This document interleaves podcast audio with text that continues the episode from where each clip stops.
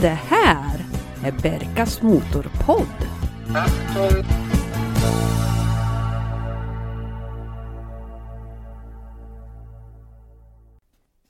Hej och varmt välkommen till Berkas Motorpodd. Idag bjuder jag på ett specialavsnitt inspelat i Essen i Tyskland där jag besöker en av Europas största mässor för klassiska samlarbilar. Innan vi går in på mässan så vill jag bara berätta att podden har köpt en ny projektbil.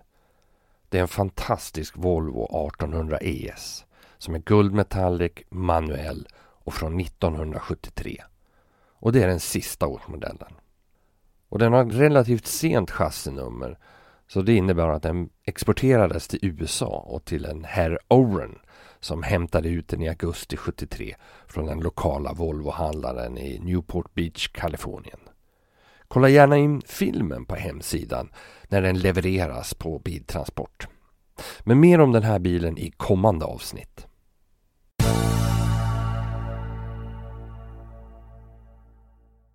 Mässan pågår i fem dagar och lockar nästan 200 000 besökare varje år. Mässområdet är enormt och fullpackat med nästan 3000 bilar presenterade av 1200 utställare. Det går även att hitta reservdelar och andra fordonsrelaterade samlarobjekt till salu. Frågan är bara om det går att hitta det man söker i oceanerna av små prylar som ligger på och i montrarna. Kika gärna in på poddens hemsida www.berkasmotorpodd.se där jag lagt ut en film om besöket. Nu skannar vi den elektroniska biljetten och kliver in på Technoklassika i Essen.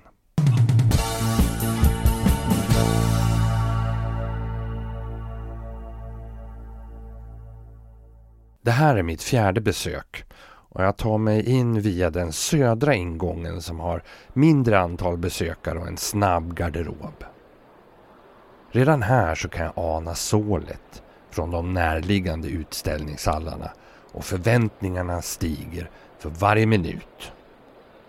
Genom dörrarna i hall 1 öppnar sig den stora utställningen från Mercedes och den första bilen som jag ser är en 600 på ett podium med blommor.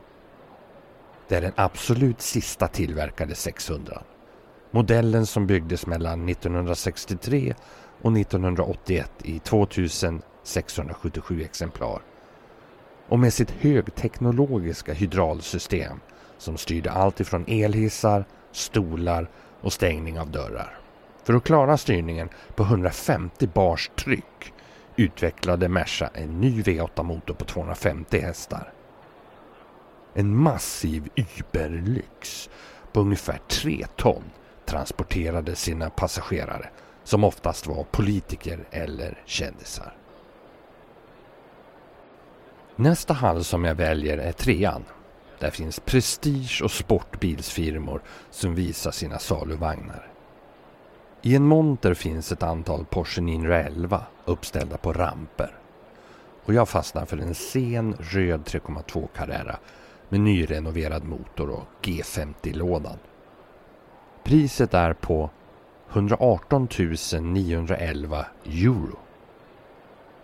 Just prisnivåerna på den här mässan är astronomiska och jag tänkte återkomma till det lite längre fram. Längst upp i hallen så har Audi Tradition en snygg golvyta. Längst fram står en Audi S1 Grupp B och en Audi Quattro och en iögonfallande gul Audi TT med namnet RS4. Den har en extremt stor vinge bak och skalstolar och något liknande har jag aldrig sett.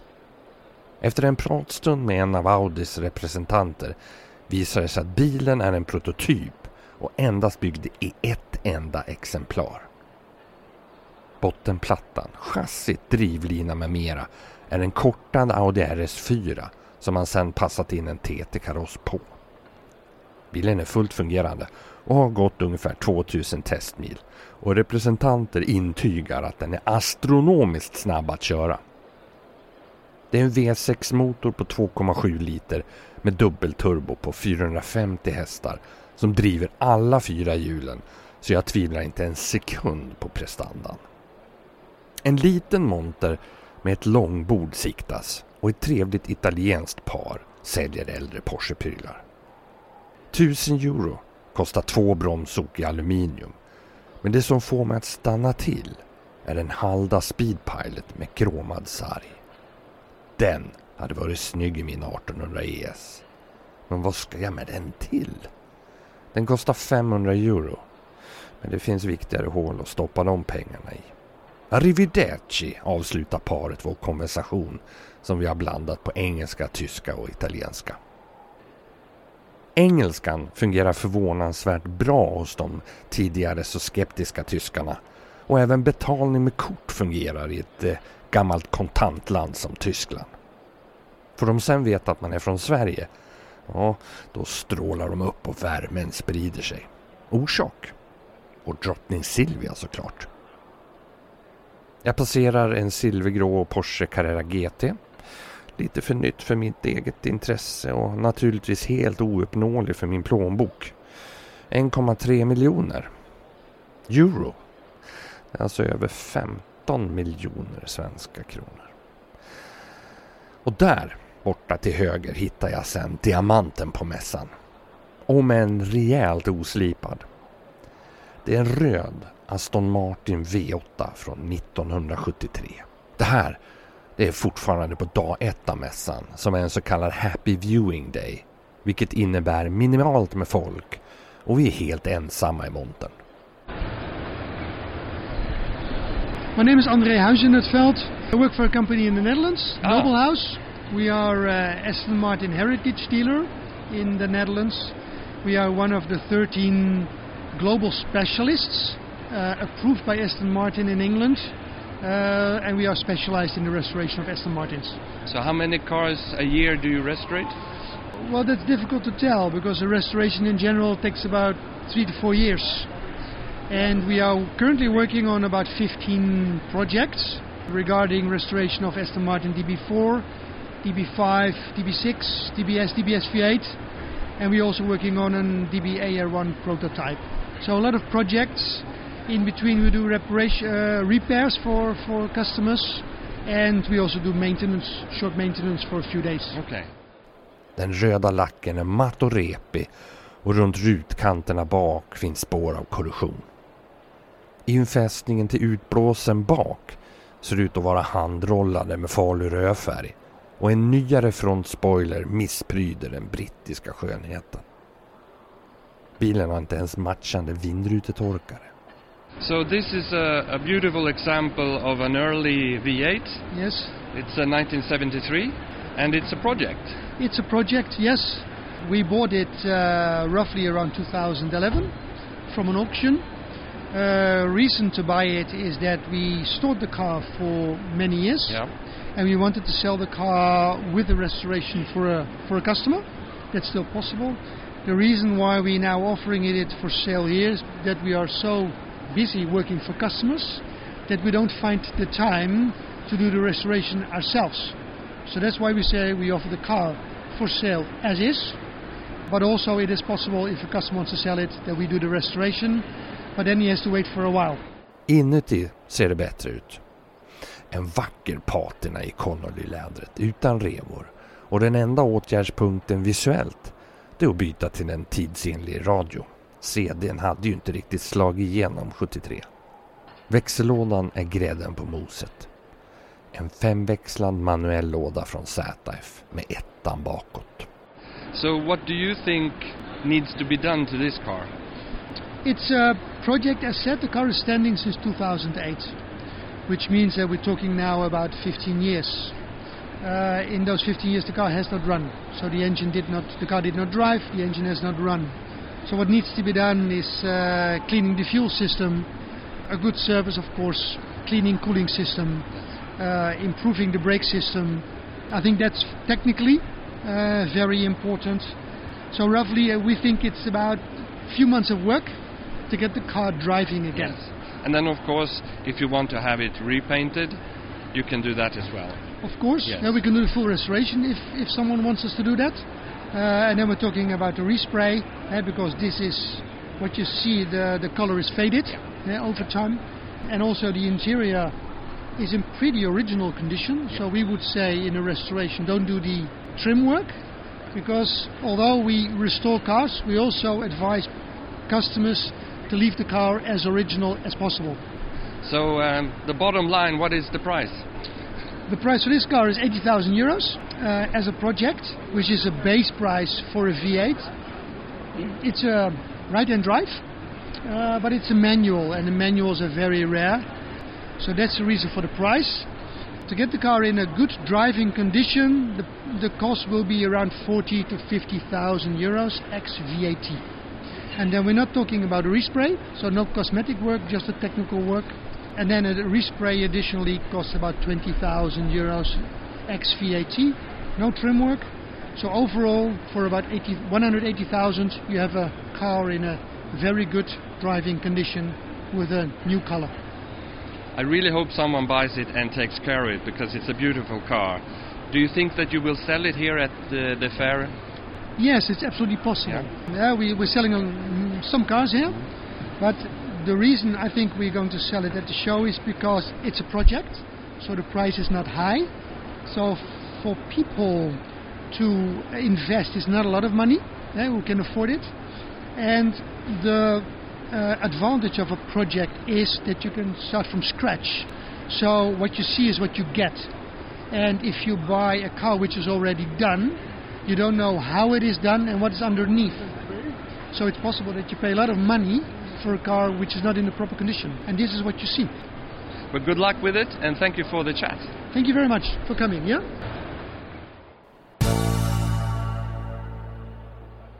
Innan jag köpte min Volvo 1800 ES så la jag ett bud på en BMW 850 med manuell låda. Jag hörde inget från firman och gick sen vidare med ES-affären. Men jag kunde nu visa min far till exempel hur jag hade tänkt med 850-budet. En mörkgrå Metallic 850 kostade 85 000 euro. Och i samma monter fanns M3 av både E36 och E46 generationerna i utsökt skick. Och så en Charmony vit 2002 turbo i nyskick för 180 000 euro. 2 160 000 svenska kronor. Jag fick 140 000 svenska för min, men det var 2008 det. BMW Turbon är ju en av de mest eftertraktade samlarbilarna just nu eftersom den bara byggdes i 1672 exemplar. Ja, 1672 exemplar det är ju rena dussinbilen jämfört med BMW 2002 TI Diana. Hos en BMW-specialist i hall 7 fanns en gul Diana.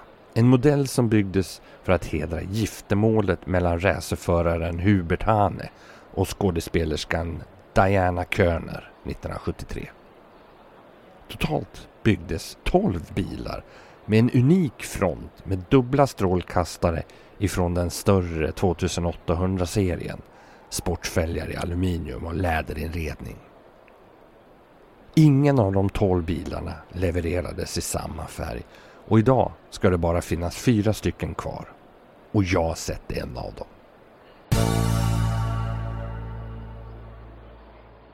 Det här är ju som sagt mitt fjärde besök på mässan. Och prisnivån har alltid varit skyhög. Men nu har den höjts med ytterligare 15-20% sedan mitt senaste besök 2019.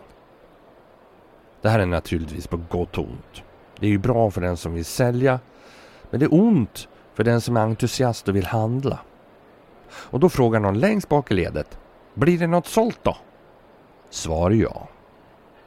Vi kunde själva bevittna en affär på en röd Porsche 911 1990 med automatlåda för 89 000 euro. En Mercedes 500E såldes på ett dygn för runt 70 000 euro. Och den mest prisvärda bilden som jag såg det var en väldigt, väldigt fin grön metallic Mercedes 300 SL med manuell låda för 18 000 euro. En i mitt tycke vettigare alternativ än till exempel 500. I Audis klubbmonter stod en pärlemovit V8 med ljusläderinredning och en ratt som påminde om hur en Treser designad dito skulle kunna se ut. Hade Treser varit framme och skruva på denna maffiga autobanracer? Med sin djupare spoiler fram och ställbar men ändå diskret vinge bak så var det ingen vanlig Audi V8 från 1991. Manuell sexväxlad låda och all tänkbar utrustning gjorde att jag i ett kort skede kände att jag nog behövde en V8 Evolution, en av 500 byggda. Bilen var inte till sal utan ägdes av en klubbmedlem. I montern fanns det även en GT Coupé och en Denimblå TT Quattro. Men ingen ur-quattro till min stora besvikelse. Reservdelar fanns det gott om. Och jag hade en tanke om att hitta ett par original vindrutetorkare till min 1800 ES. Som har en mycket säregen design. Det var drivor med torkare och jag rotade i backar och kartonger. Helt utan framgång. I en monter fanns det bara radioapparater. Becker, Blaupunkt och så vidare. Och priserna var även här i överkant. 500 euro för en Blaupunkt. Saknades det ingenting? Jo, det fanns inte en enda Volvo 1800 ES. Några vanliga P1800 fanns till salu på utomhusmarknaden där man kunde boka plats för att sälja sin entusiastbil. Lotus Esprit var det heller ingen där, eller Porsche 959. En ljusblå 240 DL från 1987 hade letat sig ner från Sverige och kostade runt 75 000 svenska. Annars så var det Mercedes som dominerade marknaden i år. Det var mycket SL-cabbar, en 190 E 2,5 16 ventilers Evolution med manuell dogleglåda och den här 500 E-modellen som Porsche hade ett par fingrar med i tillverkningen. Tre bilar som jag känner att jag vill speciellt nämna på mässan i år. Det är BMW M1. Det fanns flera fina exemplar utav den här episka mittmotorbilen ifrån München. Hos samma firma som hade 2002 Dianan så fanns det en röd M1 i mint condition. Med prislappen 8 miljoner kronor. Rak sexa på 277 hästar och manuell låda. Jag tackar jag. Maserati Kamsin. Döpt efter en våldsam och het vind i Afrika och tillverkades mellan 1974 och 1982. Och med sin 4,9 liters V8 klarar den en toppfart på 270 km i timmen. Mycket tack vare sin sylvassa silhuett. Till sist då, Aston Martin V8. Jag har nämnt den tidigare avsnittet men den tål att tas om igen. Cirka 90 procent av alla Aston som byggdes var automater.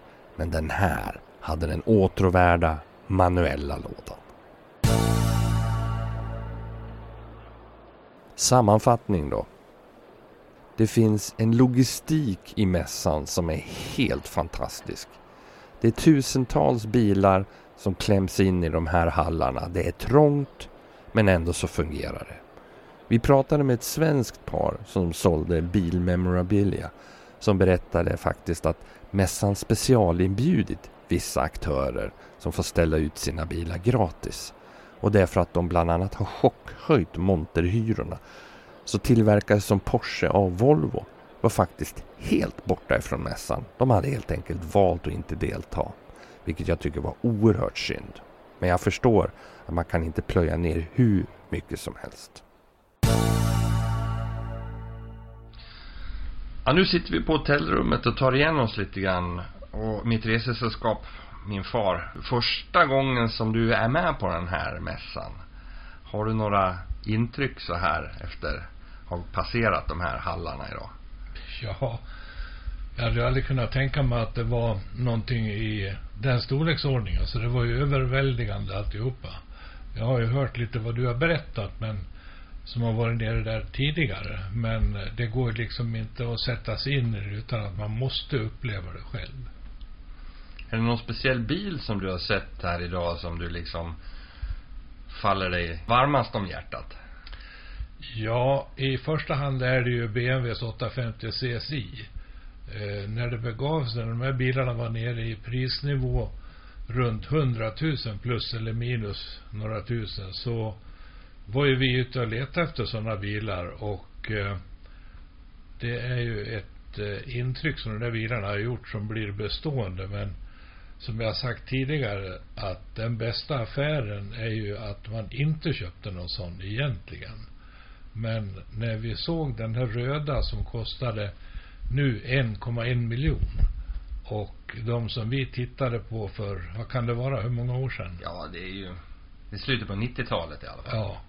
Och då var de nere, som jag sa, studsade runt 100 000. Så att hade man kanske köpt den då för 100 000 så kanske den hade varit värd idag 3, 4, 500. Och det som är förvånansvärt är att de bilarna är alltså dyrare i Tyskland än vad de är i Sverige. Så att det är ju någonting som man blir förvånad över. Men sen så fanns det ju väldigt mycket fina eh, Porschar och Mercedesar som eh, det bör i deras hemland. Så att eh, det var ju det som dominerade mässan kan man säga. Gick man, vi har ju inte riktigt gått hela dagarna utan vi har ju faktiskt pausat lite grann också. Ja, men jag mätte ju på min mobiltelefon så jag var uppe i runt 12 000 steg per dag där. Och eh, det kändes ju överallt i kroppen. Det kommer. Men sen var det väldigt lätt att sätta sig ner och ta en paus. Och då tänker jag framförallt på den franska lilla restaurangen med tre fransoser som serverade bland annat en delikat eh, charkuteribricka. Och sen fanns det ju lite olika goda viner och eh, smaka på tillsammans med det här. Och det som var festligt var ju också att man såg att de här tre servitörerna de gick ju också och tutade lite i flaskan där de dagarna. Så de var ju jättetrevliga mot gästerna. Ja, så att det var ju en perfekt inramning där. Lite charkbricka, lite gott vin och snygga bilar att titta på. Ja, det var det verkligen.